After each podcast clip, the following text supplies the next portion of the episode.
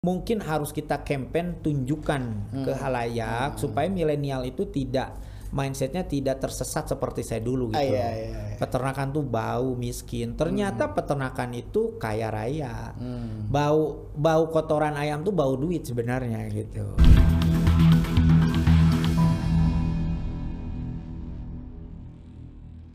Oke, selamat sore. Bertemu lagi dengan saya Angga Wira dalam channel Ayo Jadi Pengusaha di mana channel ini berbagi inspirasi dari berbagai kisah-kisah pengalaman sukses tentunya yang ini tentunya menjadi inspirasi untuk sobat planner semuanya. Sore hari ini alhamdulillah di studio Ayo Jadi Pengusaha saya kedatangan eh, tamu spesial ini jauh-jauh dari Cianjur. Ini kumaha Kang? Alhamdulillah. Damang. Damang ya. Ini uh, senior saya yang makin muda aja saya lihat. Ini Bukan menua ya. Bu, makin mu- makin muda kalau saya lihat uh, Kang Cecep ini makin muda. Ini walaupun senior saya di kampus di IPB, cuman kayaknya saya kelihatan lebih tua daripada beliau ini. Inilah habisnya kalau yang sukses itu begitu biasanya. Auranya tambah bagus. Ini ke ya selamat datang Kang Cecep di Siap. studio Ayo Jadi Pengusaha. Nanti kita akan diskusi-diskusi seputar ya bagaimana Kang Cecep mengawali apa ya karirnya dulu ya secara profesional dan akhirnya menjadi salah satu ya inspirasi kita semuanya yang memang menggeluti nggak banyak ya mungkin yang menggeluti bidang usaha eh, agribisnis yang seharusnya sebenarnya para pengusaha itu banyak terjunnya ke agribisnis ya Kang ya, Ya, karena kan memang benar. pe- kompetensi eh, kita ini eh, di agribisnis dan kalau nggak salah juga sekarang sedang kuliah ya Ya. kuliah S3 juga ya Ya S3.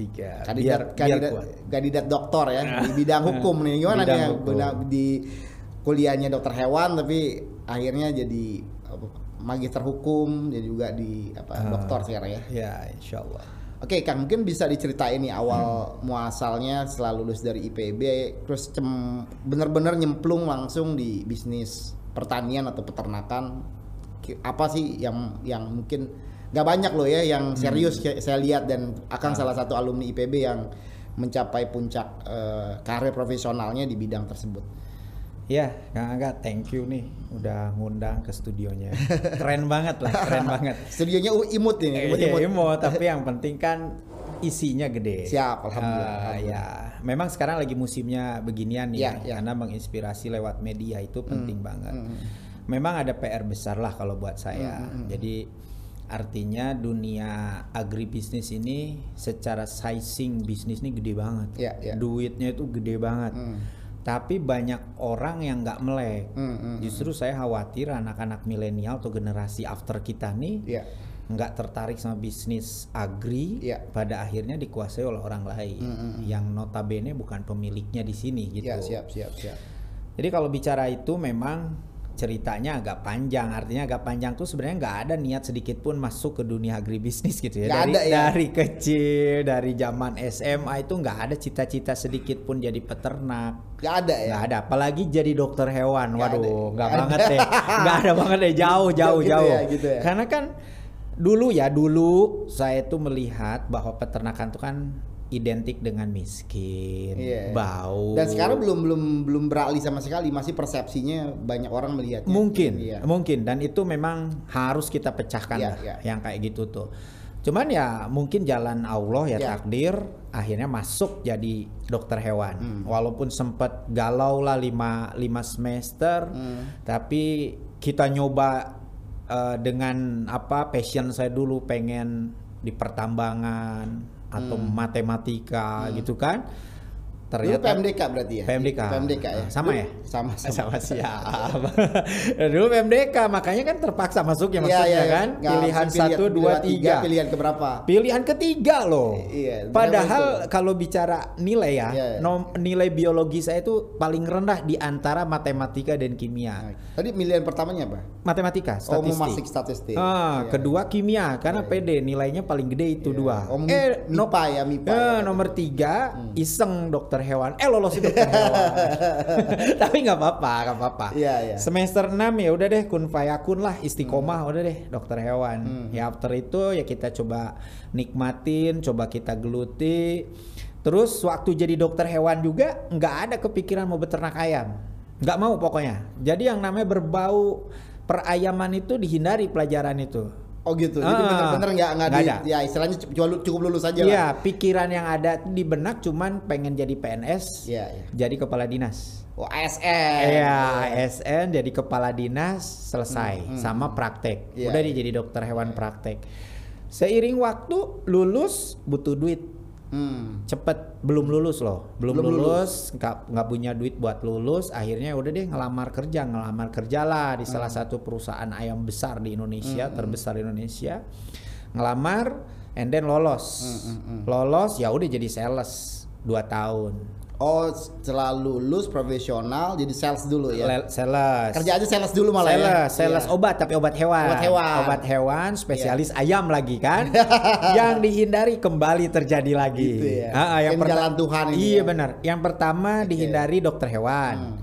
Lolos. Hmm. Habis dokter hewan dihindari ayam malah di ayam lagi. Ya udah akhirnya udah kepalang basah udah nyemplung aja. Hmm. Jadi sales 2 tahun. Nah, waktu jadi sales itu banyak inspirasi atau insight-insight selama jadi sales itu. Oh jadi malah jadi sales pengalamannya Ah. networking dan juga wawasan ya. Wawasan jadi gini gini, kebuka gitu otak Oke. otak saya tuh kebuka ketika ngeliat peternakan ayam ini kok gede-gede ya gitu. Nah, Hmm, Ada yang jadi- Hmm. punya ayam sejuta, dua juta ekor. Jadi turn back-nya malah ketika jadi sales ketemu Ah. banyak orang Ah. akhirnya jadi dapat insight. Iya benar, begitu lihat kan. Oke. Kita hitung-hitung bisnisnya, buset dah. Sehari ada yang uh, produksi 40 ton telur, Hmm. ada yang sekali panen tuh sebulan tuh 2 juta ekor Iya, ayam iya, pedaging, terus belum breeding Iya. segala macam. Saya lihat di sini loh, kok berarti bisnis ayam ini gede banget nih, Hmm. seksi banget gitu kan. Ditambah lagi kita lihat profesional mungkin oke lah, tapi yang non profesional ini rata-rata udah sepuh, udah senior senior, di mana mereka sering curhat juga sama saya Yang tuh. pengelolaannya tradisional. Ah, pemiliknya udah sepuh, Oke. artinya generasi pertama. lah ya itu kan. Mereka sering curhat. Yo, siapa yang nerusin? Heeh, gitu ya. karena anak-anaknya sekolah di luar negeri Iya. pada nggak mau jadi peternak. Oke. Ah, padahal mereka sekolah dari hasil ternak ya dari bau ternak dari gitu. bau-bau ayam ya. Ah, nah di situ tuh dapat insight bahwa kalau gua masuk nih berarti eh, kompetitornya kurang. Iya. Kan gitu. Iya. Karena anak muda yang mau masuk ke dunia perayaman Iya, ini pasti sedikit dong, terbatas. Hmm. Eh dan kenyataannya benar. Gitu. Jadi Iya. kalau pas habis udah deh keluar dah dari sales, akhirnya habis keluar dari sales ya udah coba-coba jualan telur, jualan ayam, keliling-keliling kita nguasain pasar di Cipanas aja gitu, Hmm. terus Cianjur.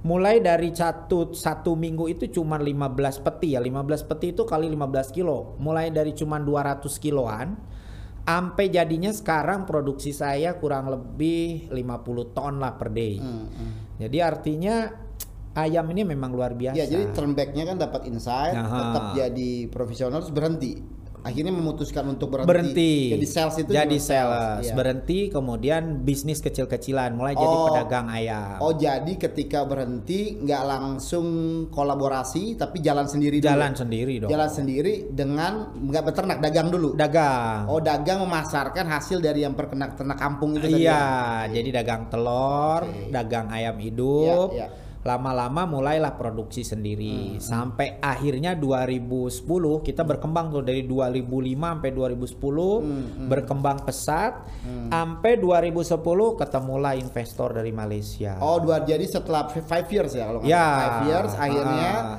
Eh, tapi waktu itu years itu udah punya kandang. Udah, udah, punya kandang ya. Udah, mulai kandang. punya kandang, tapi market size saya makin gede tuh. Iya, iya. Dari 2005 dari 2005 ke 2010. Oke.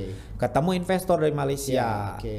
Ah, ah, masuk Indonesia, kita join akhirnya. Kalau yang investor Malaysia itu memang dia basic di eh, Malaysianya itu memang ini peternak dia. Bukan. Bukan. Dia nelayan. Oh bukan, nggak ada Bukan. nggak ada sama sekali ya. Dia produsen ikan terbesar di Malaysia. Nah, dia baru masuk ke dunia perunggasan baru beberapa tahun Hmm. di Malaysia. Oh baru masuk juga. Baru masuk. Tapi sudah ada di Malaysia. Sudah ada di Malaysia. Tapi langsung expand. Nah, dia ngelihat size di Indonesia besar pasarnya. Masuklah dia ke Indonesia. Pas ketemu dengan investor mungkin bisa di share ya, uh, Kang Cep. Itu gimana asal muasalnya? Apakah dari event atau dari apa? Gimana? Naturally atau gimana? Sebenarnya awalnya gini, dulu tuh ada satu kawan Ya. yang perusahaannya rencana mau dijual ke perusahaan tersebut. Oke. Ah, ah, Iya. lokal Indonesia. Tap, nah saya itu di belakang layarnya yang bantuin bikinin laporan Oh, keuangan. tadinya malah nggak niat, Nggak niat, niat. mau kerja sama. Enggak, enggak. Itu itu kawan saya sekaligus bos lah. Maksudnya yang dulu ngasih modal pertama Oke. itu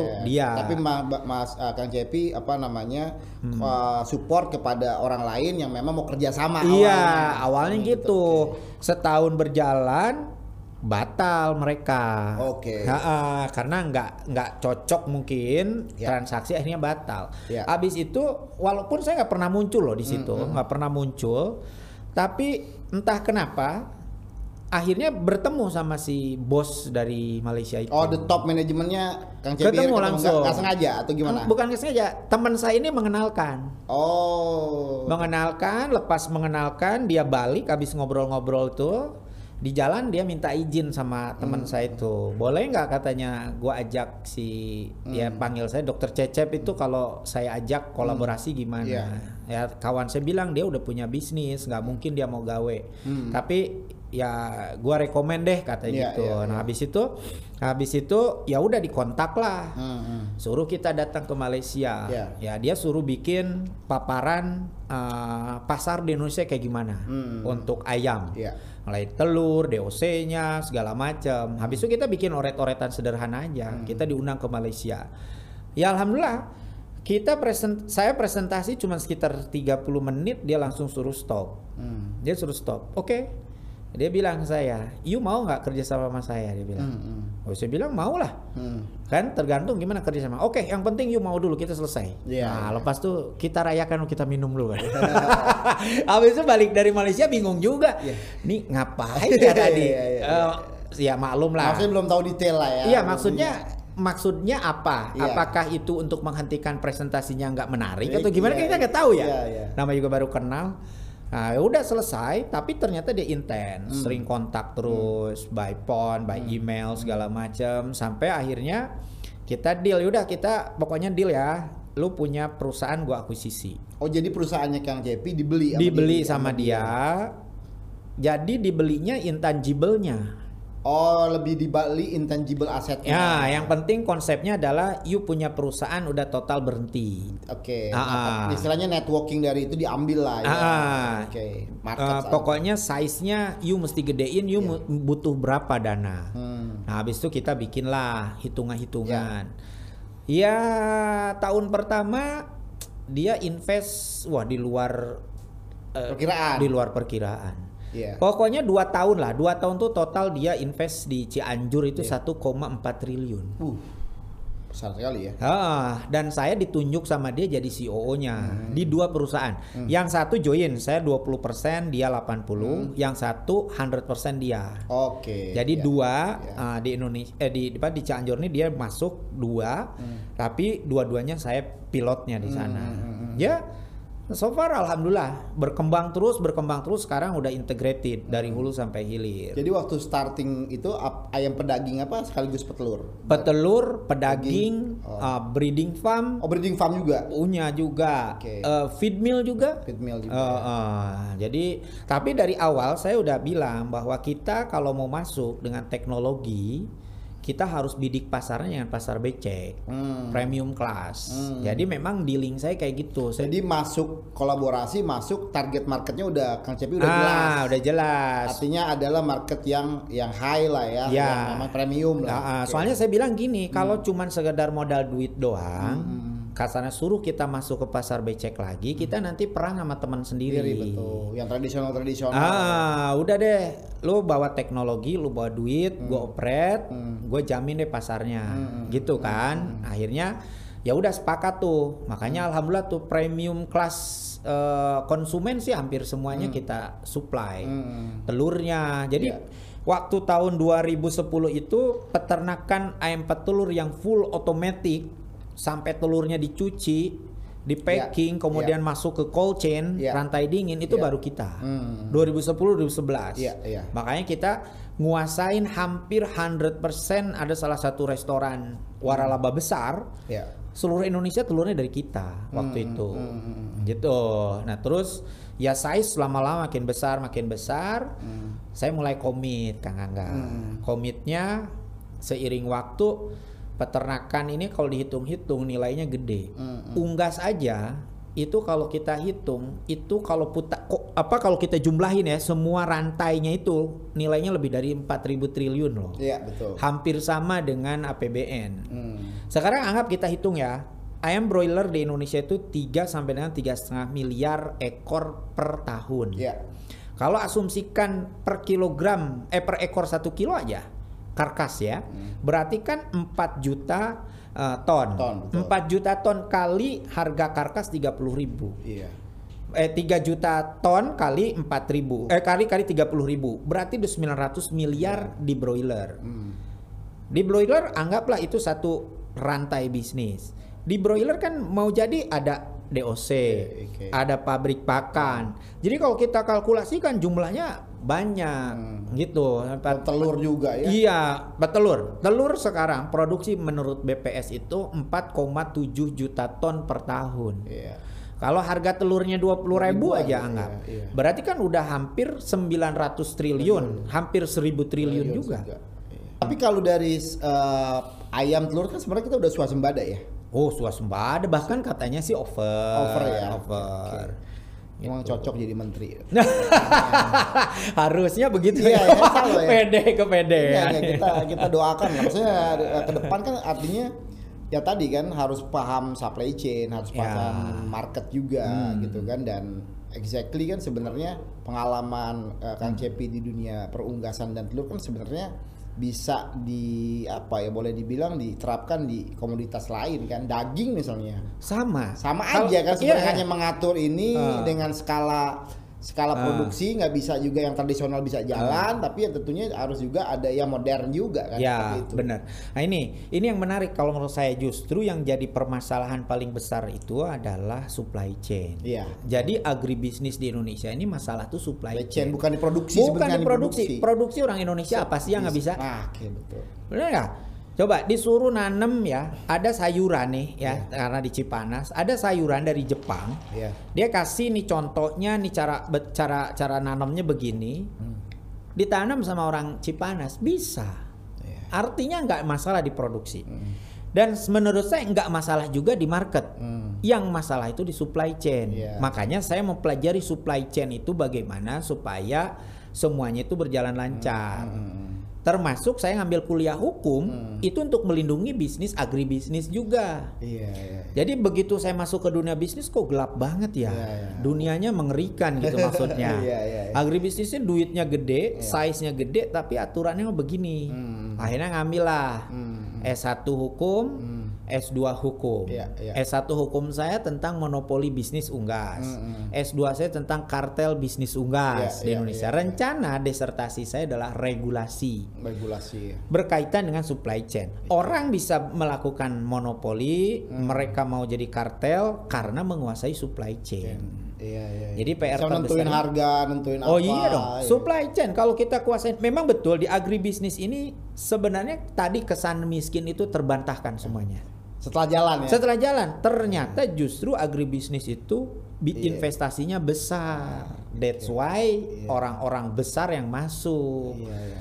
Ah, Ya, jadi dengan kekuatan tadi politik dan lain sebagainya membuat kartel tadi Iya. yang, yang menghambat UMKM atau yang kecil-kecil itu ya segitu-segitu aja, Ah. nggak nggak naik-naik kan. Ah, yang ngerinya, Hmm. yang ngerinya nih nanti pemegang kebijakannya nggak paham tentang agribisnis Ya. ngeri-ngeri sedap, Nggak paham gitu nggak ya. paham. Jadi memang harus yang paham lah, gitu iya, yang iya. masuk ke sana. Karena nggak nggak mudah juga, karena rantainya panjang sekali. Kayak tadi ya, saya di ayam ya, Hmm. mulai dari ada namanya grandparent, Hmm, ya, grandparent. grandparent stock, itu kan kita import, 100% Oh, import, Grandparent stock itu tetap impor, import, ya? Sampai sekarang. 100%. Why? Why, Mas? Iya, karena kan itu memang miliknya mereka. Secara hak paten mereka yang ngembangin secara galur murni. gitu ya. Kita, belum ada. belum ada. Grandparents belum itu ada. da- belum dari ada. penelitian yang ada belum ada sampai Belum ada. Kita belum punya GGP, namanya GGP di Oke. sananya, Great Grand Parent. Grandparent.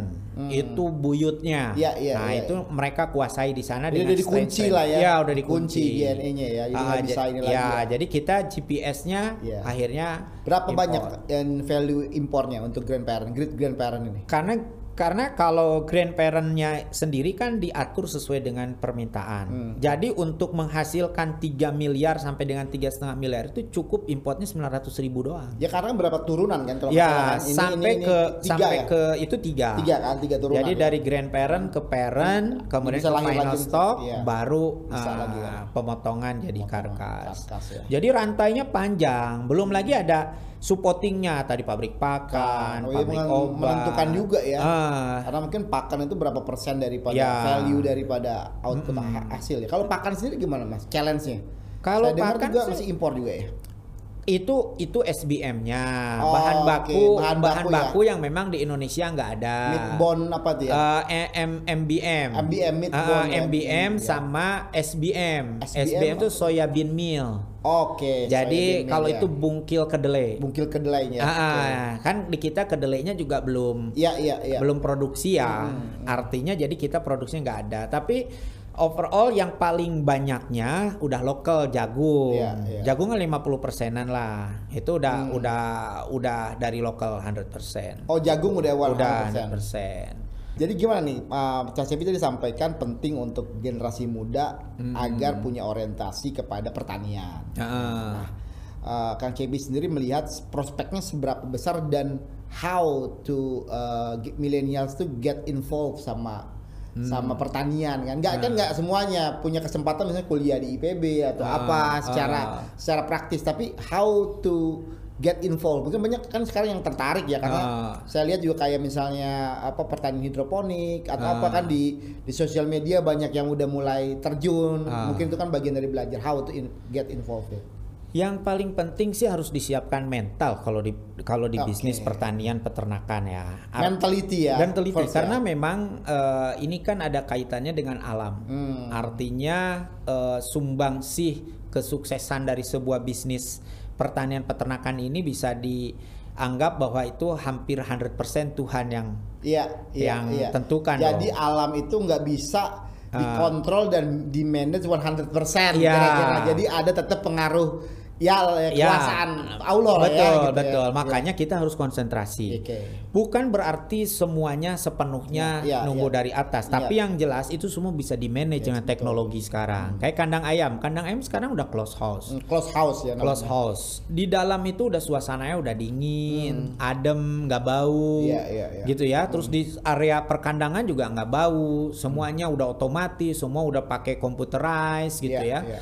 Jadi hal-hal itu yang mungkin harus kita campaign tunjukkan ke Hmm. halayak supaya milenial itu tidak mindsetnya tidak tersesat seperti saya dulu Ah, gitu. iya, iya, iya. Peternakan tuh bau miskin. Ternyata peternakan itu kaya raya. Hmm. Bau bau kotoran ayam tuh bau duit sebenarnya gitu. Intinya sih kalau menurut saya sekarang PR terbesar government kita adalah merapikan rantai supply. Hmm. Sebenarnya cuma itu doang Iya, gitu. iya, iya. Supply chain kalau dirapikan semuanya selesai kok. Kayak di ayam contoh.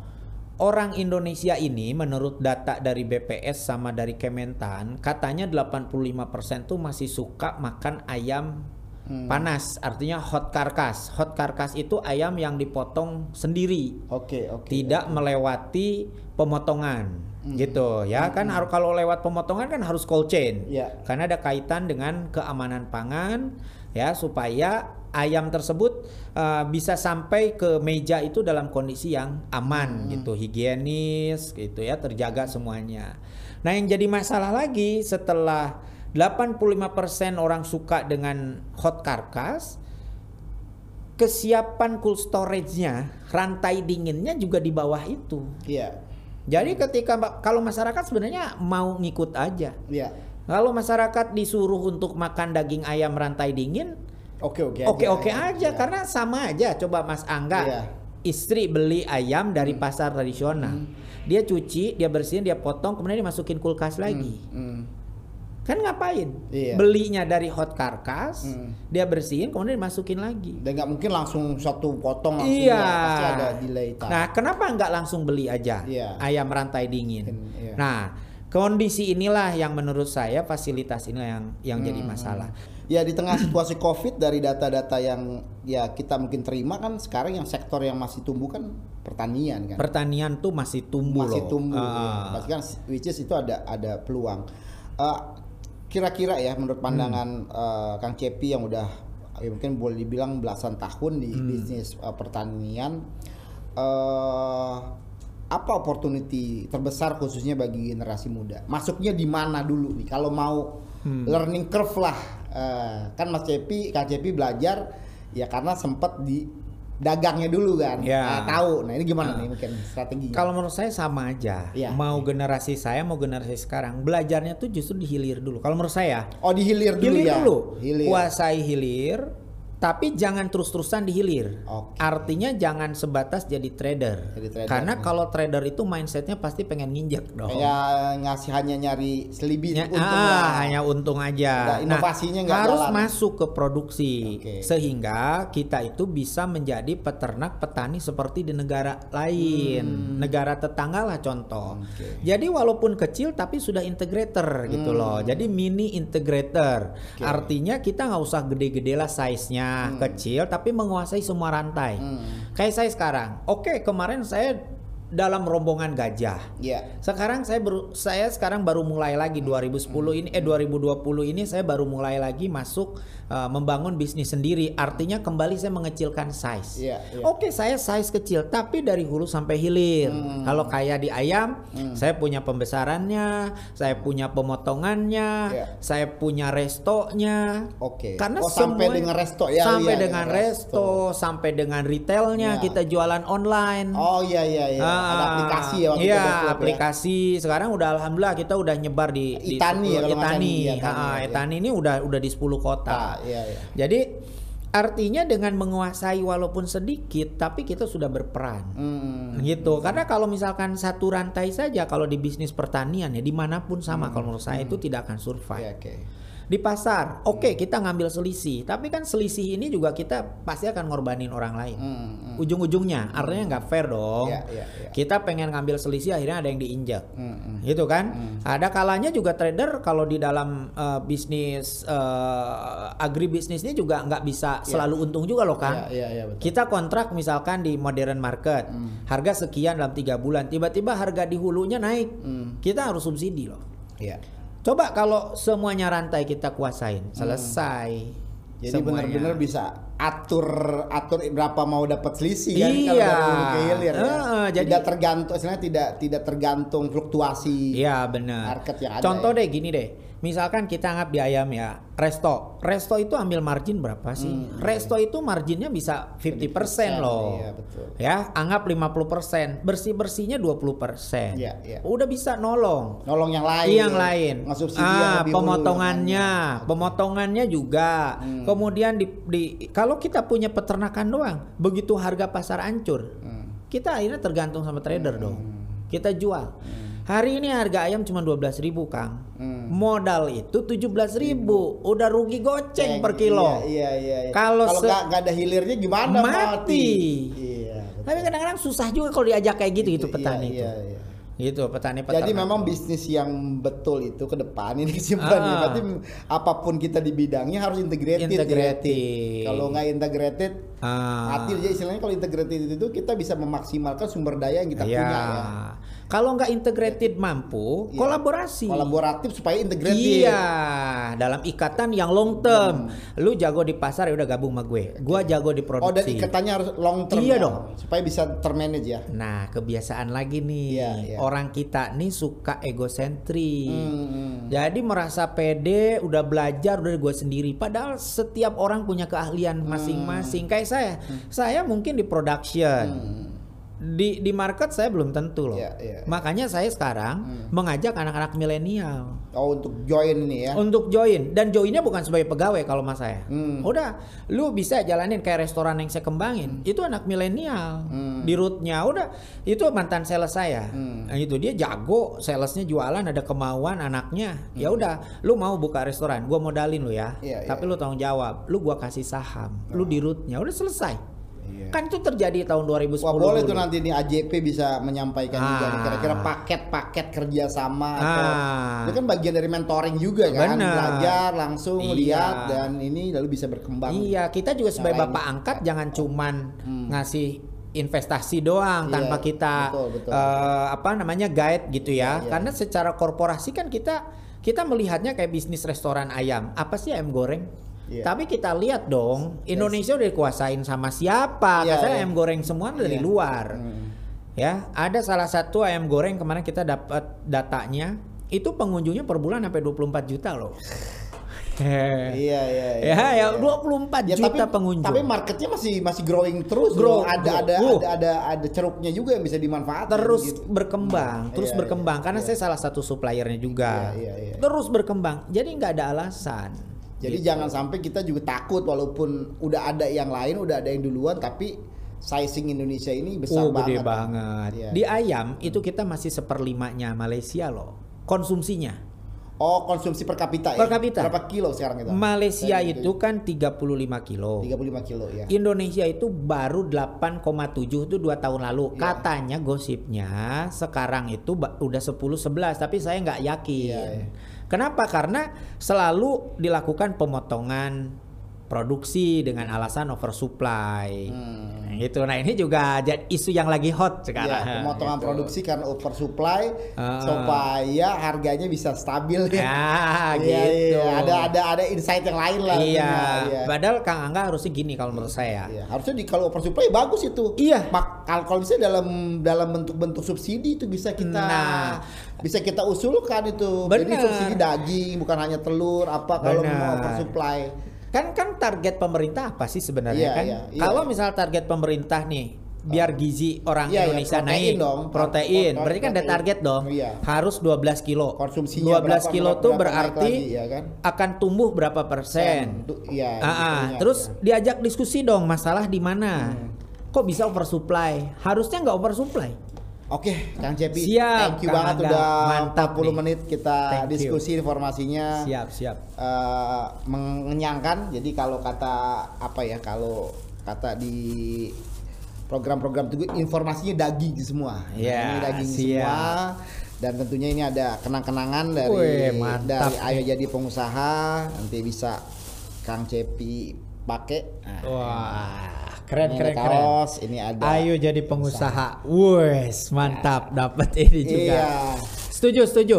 Biar Indonesia maju terus. Iya karena memang untuk membangun Indonesia ke depan ya Nah. mau nggak mau kan kita harus banyak entrepreneur ya kan Iya, potensinya sepakat. besar dan Ah. sekarang jumlah entrepreneur Indonesia masih sangat kecil masih tiga persen Ah. jadi mungkin harus ya bayangkan aja kalau misalnya bisa jadi 10 persen ada 20 juta orang yang jadi entrepreneur kan Ah. nggak ada lagi pengangguran dan Sepakat. mudah-mudahan di dunia pertanian kita Amin. Oke, para youth apa teman-teman netizen semuanya, para sobat planners kita udah dengerin kisah kisah sukses dari eh, sahabat saya Kang Cepi yang orang Cianjur ini Siap. udah berhasil menjadi salah satu boleh dibilang ya konglomerat lah, konglomerat di sektor eh, agrobisnis khususnya di bidang peternakan dan unggas ayam. Mudah-mudahan ini menjadi inspirasi kita semuanya. Terima kasih sampai jumpa lagi di podcast kita selanjutnya.